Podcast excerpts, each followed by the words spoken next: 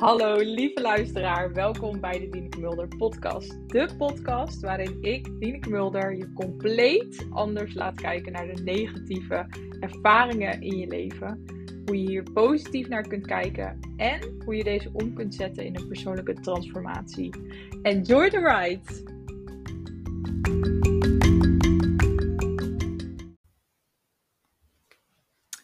Vandaag wil ik het met je hebben over keuzes maken. Ik denk namelijk dat er geen enkel ander moment tijdens ons leven is als tijdens zwangerschap en bevallen, waarin we opeens zo vreselijk veel keuzes moeten gaan maken. En daarnaast, waarbij er ook nog eens heel veel andere mensen zijn die zich ja, eigenlijk met jouw keuzes bemoeien, maar ook die van invloed zijn op die keuzes, die daar onderdeel van zijn. En daarom is het denk ik ook zo'n ontzettend interessant ehm, ja, moment om te evalueren hoe jij tijdens je eerste bevalling die keuzes hebt gemaakt. Wat ik heel veel van vrouwen hoor, is dat ze ehm, achteraf gezien andere keuzes hadden willen maken. Dat ze het gevoel hadden dat keuzes voor ze werden gemaakt, dat er keuzes werden opgelegd. Kortom, ik denk dat we genoeg hebben om over te praten. En ook voor jezelf om eens te kijken, mm, aan de hand misschien wel van wat ik je vertel in deze aflevering, hoe jij jouw keuzes hebt gemaakt tijdens je zwangerschap en bevalling natuurlijk.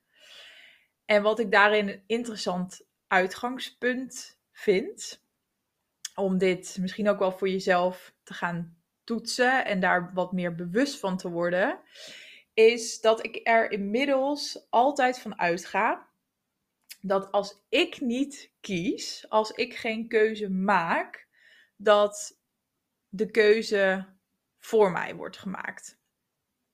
Dus als ik niet kies, dan wordt er voor mij gekozen. En daar was ik me eigenlijk nooit zo bewust van. Um, uh, totdat ik ging bevallen. En totdat ik ook mijn eigen bevalling um, ging verwerken en door een heel persoonlijk ontwikkelingsproces ging. En wat ik interessant vind aan die uitspraak, dus als jij niet kiest, dan wordt er voor je gekozen, is dat het je heel erg uitdaagt om te gaan kijken of je in de meeste situaties wel echt keuzes maakt. Want soms denken we namelijk dat we geen keuze maken. Maar inmiddels ga ik ervan uit dat ik altijd een keuze maak. Ook al spreek ik die bijvoorbeeld niet uit, of ook al denk ik dat ik eigenlijk geen keuze heb gemaakt. Je maakt altijd een keuze. En dat als jij uh, geen keuze maakt, of niet voor die keuze gaat staan, dat er altijd iets anders is, of iemand anders, um, die dan een keuze maakt. Of die eigenlijk ruimte gaat innemen, bijvoorbeeld. En natuurlijk ga ik dat betrekken op bevallen. Want dat vind ik het meest interessant. Um, want bevallen is bij uitstek de situatie waarin heel veel andere mensen betrokken zijn bij jouw keuzes. Uh, dat is als eerste natuurlijk, of waarschijnlijk als je een partner hebt, is dat je partner. Ehm, maar ook wel mensen in je omgeving. Misschien herken je dat wel. Uh, er zijn echt van die typische vragen als je zwanger bent, waar iedereen iets van vindt. Bijvoorbeeld de vraag der vragen. Waar ga je bevallen? Thuis of in het ziekenhuis? En wat je antwoord ook is, iedereen heeft er wel iets over te zeggen. Of je nou zegt of je thuis wil bevallen of in het ziekenhuis wil bevallen. Iedereen heeft daar, of ja, schijnbaar een mening over. Um, dus over die keuze. Um, maar ook later in je zwangerschap, richting je bevalling, als je je bij de meeste verloskundigen um, ga je bevalplan doorspreken. En ook daarin leg je eigenlijk je keuzes vast. Dus wat jij graag wil in bepaalde scenario's. En daarover ga je in gesprek met je verloskundige. En het, ja, het verschilt nogal per verloskundige en praktijk hoe diegene daarin staat. Of ze het eens zijn met jouw keuzes of dat ze iets anders zouden adviseren. Um, dus daarin maak je ook veel keuzes. En als ik hem dan weer terugpak naar, als jij niet kiest, wordt er voor je gekozen. Op mijn bevalling is dat heel erg van toepassing geweest, als ik het achteraf terugkijk. Want mijn bevalplan was niet heel uitgebreid. het was denk ik een half A4'tje. Uh, waar, nou, denk ik, drie hele algemene dingen op stonden. En heel veel, heel veel dingen had ik eigenlijk nu achteraf gezien. Toen wist ik dat niet. Um, maar heb ik niet heel erg nagedacht. Of eigenlijk geen keuze over gemaakt. Ik was me ook niet bewust van uh, dat het überhaupt goed was om daarover na te denken en wat voor keuze ik zou maken. En dan bedoel ik vooral met wat betreft bepaalde complicaties, protocollen, richtlijnen. Um, dus daar kan ik me eigenlijk nu heel mooi op betrekken, omdat ik toen daar geen keuzes op heb gemaakt, maar ook niet wist wat me te wachten stond, werden er uiteindelijk keuzes voor mij gemaakt. Dus de ruimte die ik zelf niet pakte, die werd eigenlijk voor mij gepakt, als het ware. Dit klinkt een beetje negatief, maar ik denk dat het um, voor mij, ik zie het inmiddels als een heel bewust, mooi bewustzijnsproces.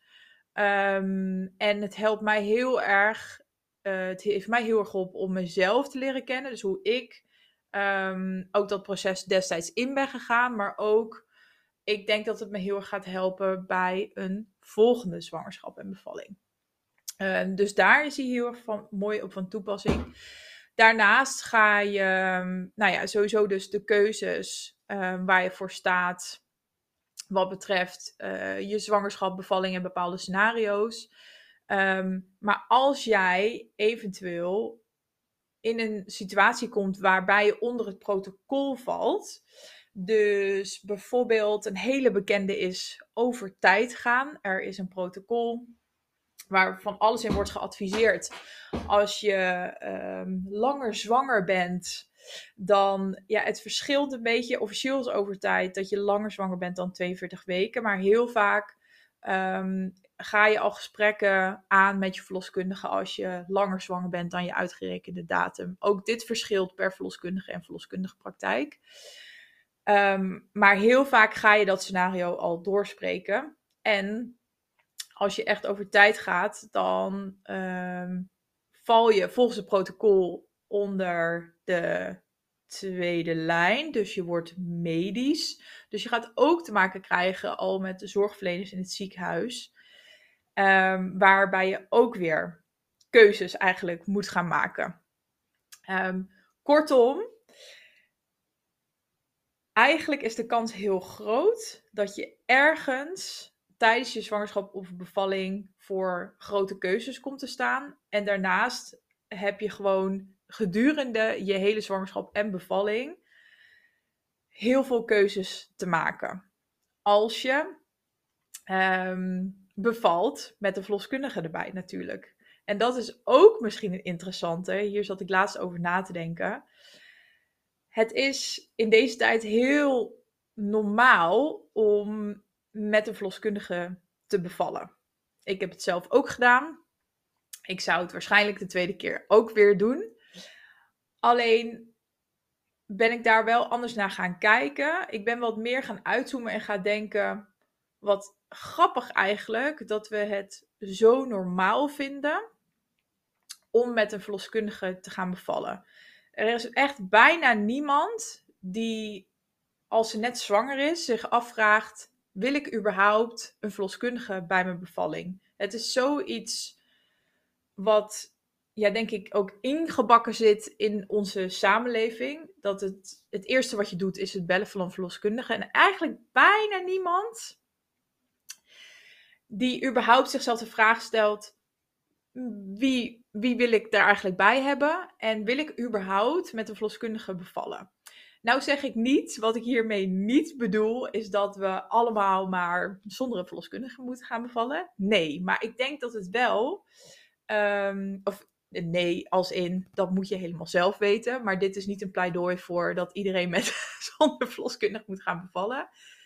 Maar wat, waar het mij heel erg mee geholpen heeft, en wat denk ik interessant is om jezelf af te vragen überhaupt, zie het als een keuze. Ik heb het destijds niet als een keuze gezien, omdat ik het zat gewoon helemaal in mijn systeem. Ik ga bevallen met verloskundige, dus ik moet nu een verloskundige praktijk gaan zoeken.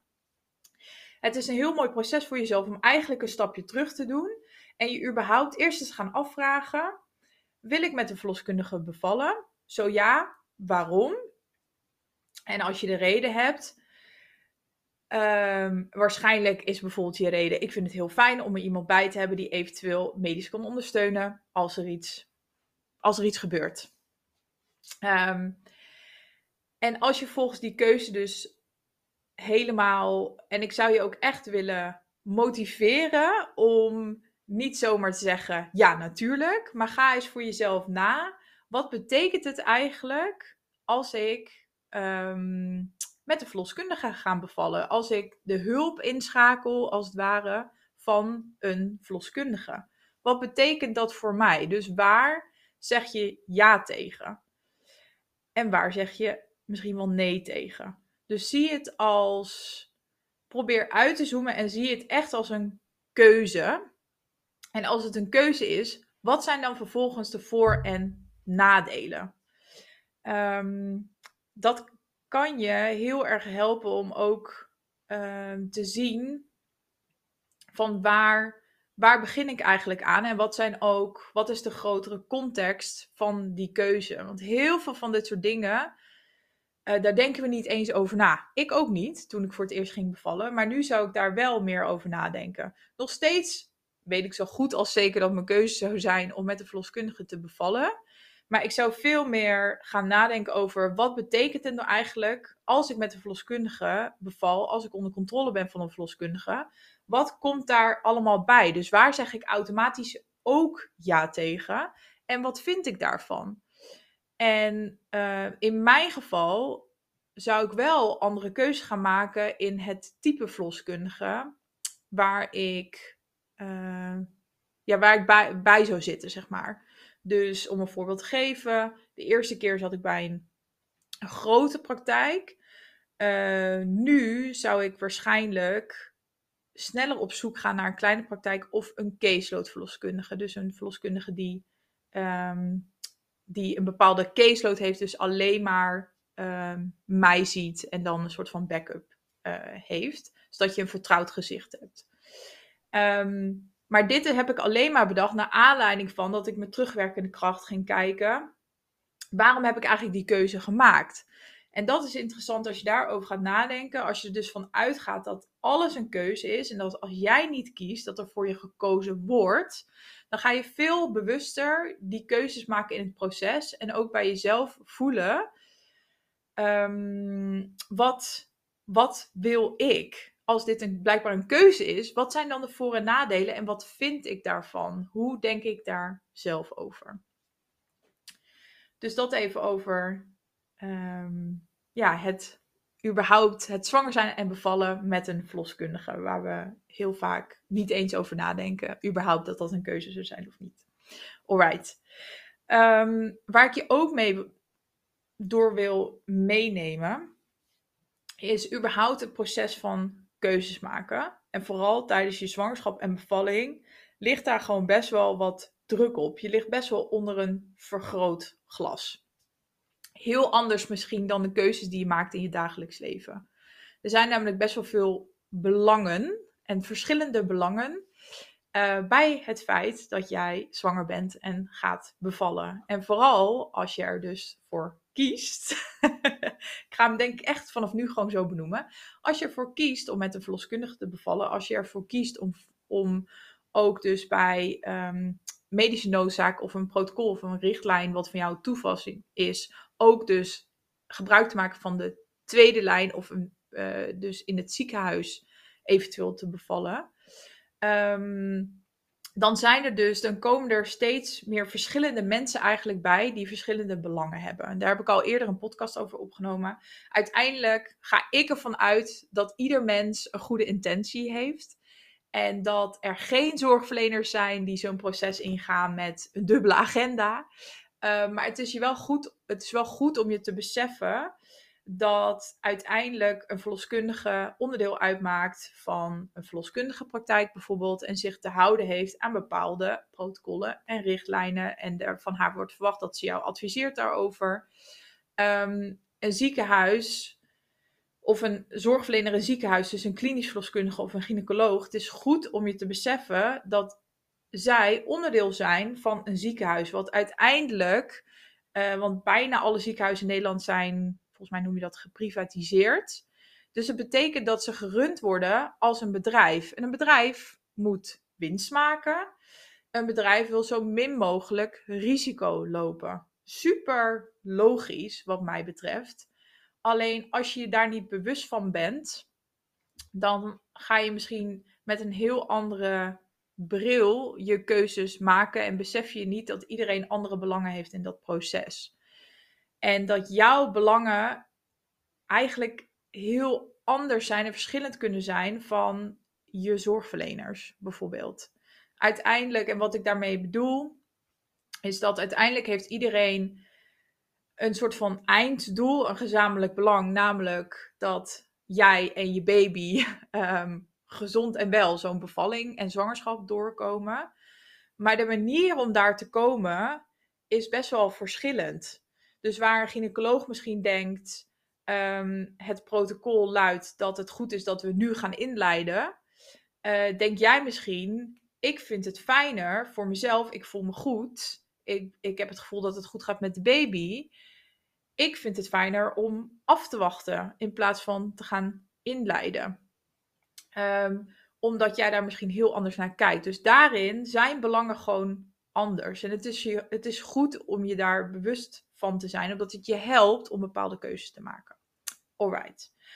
Als je volgens dat proces ingaat, en misschien herken je dit wel, als je dus keuzes gaat maken, dan ga je eigenlijk een proces door van drie stappen, zou ik zeggen. Stap 1 is het überhaupt het nadenken over welke keuze je wilt maken. En heel vaak ehm, als je zwanger bent en je gaat bevallen, dan doe je dat, maak je die keuzes vaak met behulp van de mensen die dicht bij jou staan. Dus misschien wel een van je ouders, vaak je partner natuurlijk, soms met je vriendinnen. Je gaat wat andere mensen raadplegen om te kijken, hey, hoe denk jij hier nou over? Wat denk jij wat goed bij mij past? Um, ik twijfel hierover, kan je me daarmee helpen? Dus je gaat nadenken over bepaalde keuzes. Eh, die je maakt. Dus stap 1 is altijd voor jezelf, eerst bij jezelf voelen wat voelt goed voor mij en welke keuze wil ik hierin maken. En vaak helpt het om dat met de mensen om je heen even te, te checken. Mensen waar je je veilig bij voelt en die je echt vertrouwt. Heel vaak is dat natuurlijk je partner. Um, dus dat is eigenlijk stap 1. Stap 2 is het uitspreken van je keuze. Um, dus eigenlijk het gaan staan voor je keuze, het ruimte innemen met jouw keuze. En om een voorbeeld te geven, um, om weer terug te gaan naar het over tijd zijn uh, scenario. Um, op een gegeven moment, als je wat langer over tijd bent, dan wordt er waarschijnlijk geadviseerd om een uh, controle te doen of het nog goed gaat met jou en de baby. En wat daar automatisch bij hoort, is een gesprek met een gynaecoloog. Um, stel je hebt dus voor dat gesprek nagedacht over um, wat jij wilt, wat jouw keuze daarin is, bijvoorbeeld over een inleiding. Dan ga je, dat, dan ga je die keuze waarschijnlijk uitspreken in dat gesprek tegen uh, de zorgverlener, dus tegen een gynaecoloog bijvoorbeeld.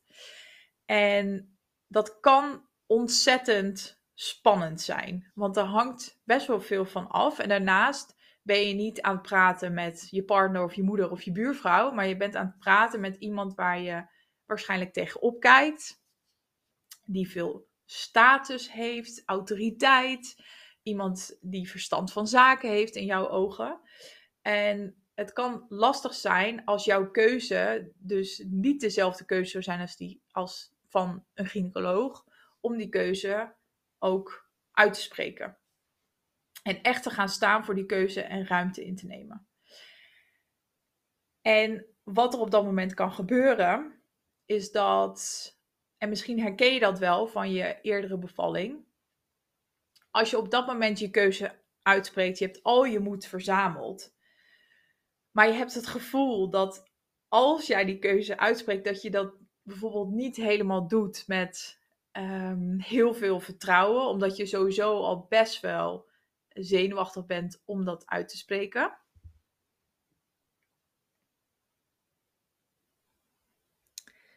En mijn video houdt er weer mee op.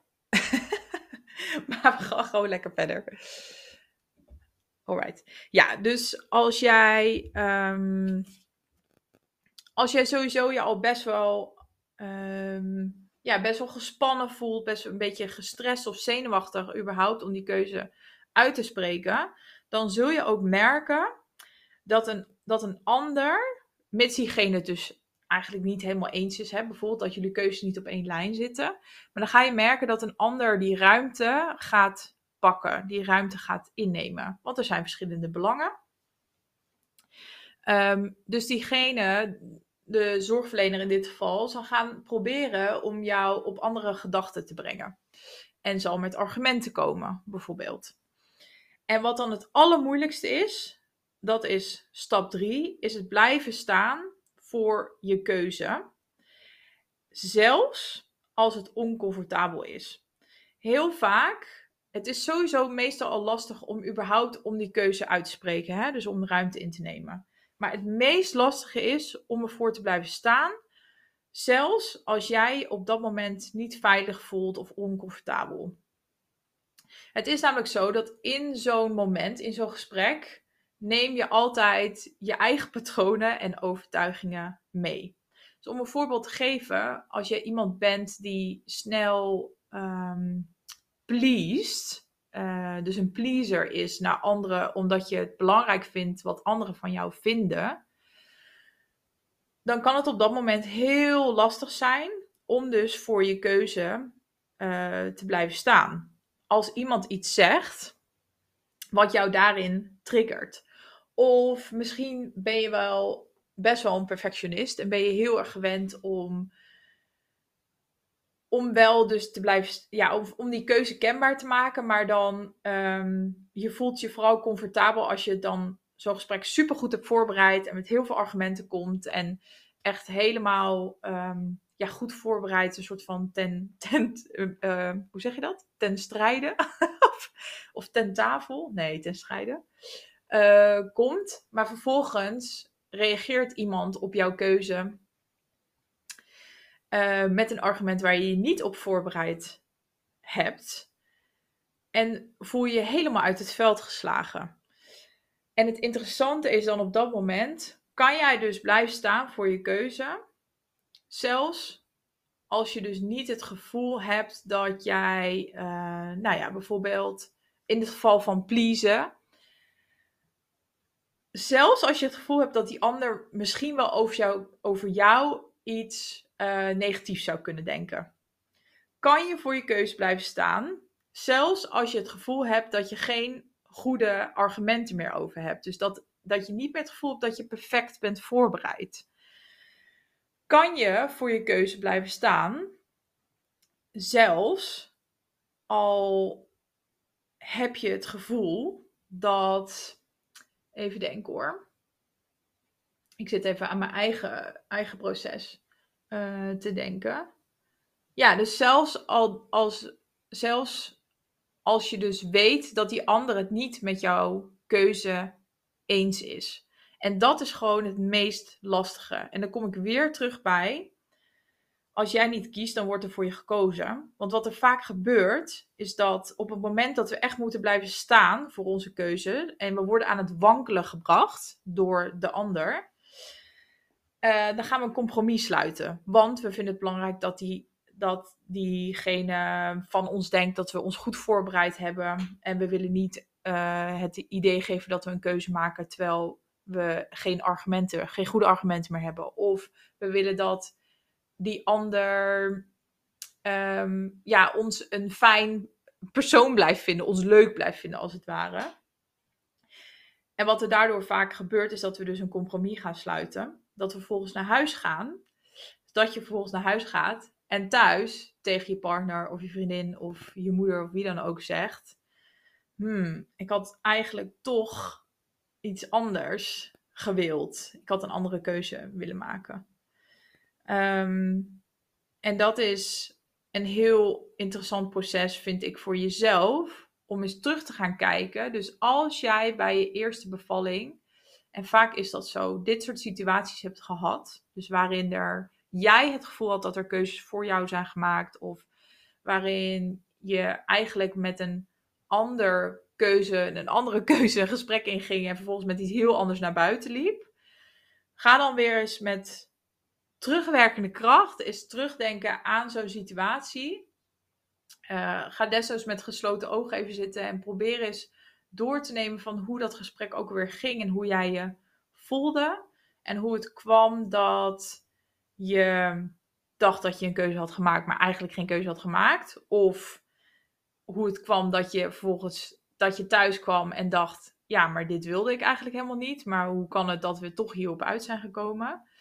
Ehm, dat is een heel mooi proces om jezelf beter te leren kennen en ook om erachter te komen hoe komt het nou dat je het lastig vindt om te gaan staan voor je keuze, maar ook om te blijven staan uh, voor een keuze.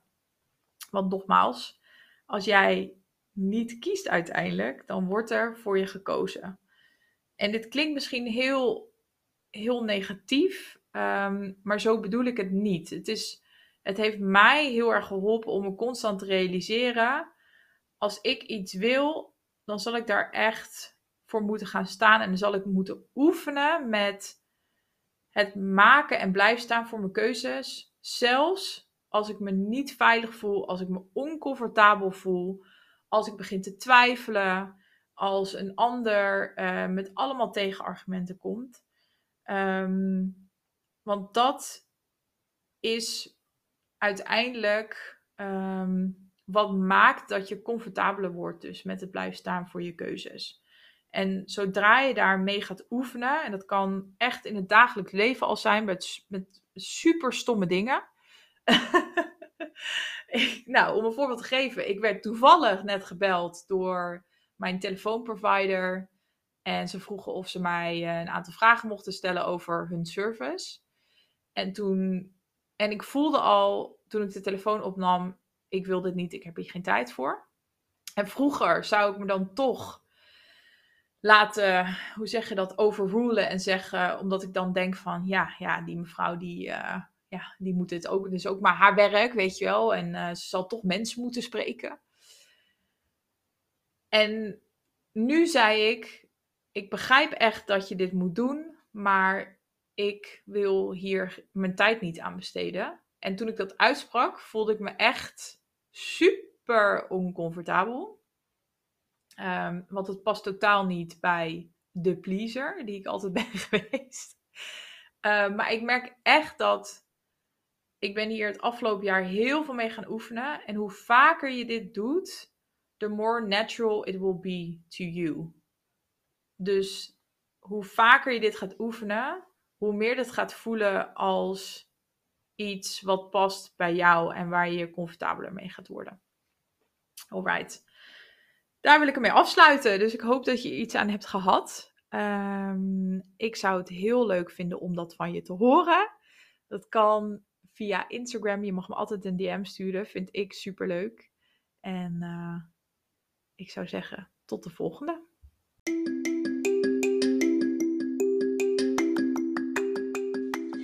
Ja, heel erg bedankt weer voor het luisteren.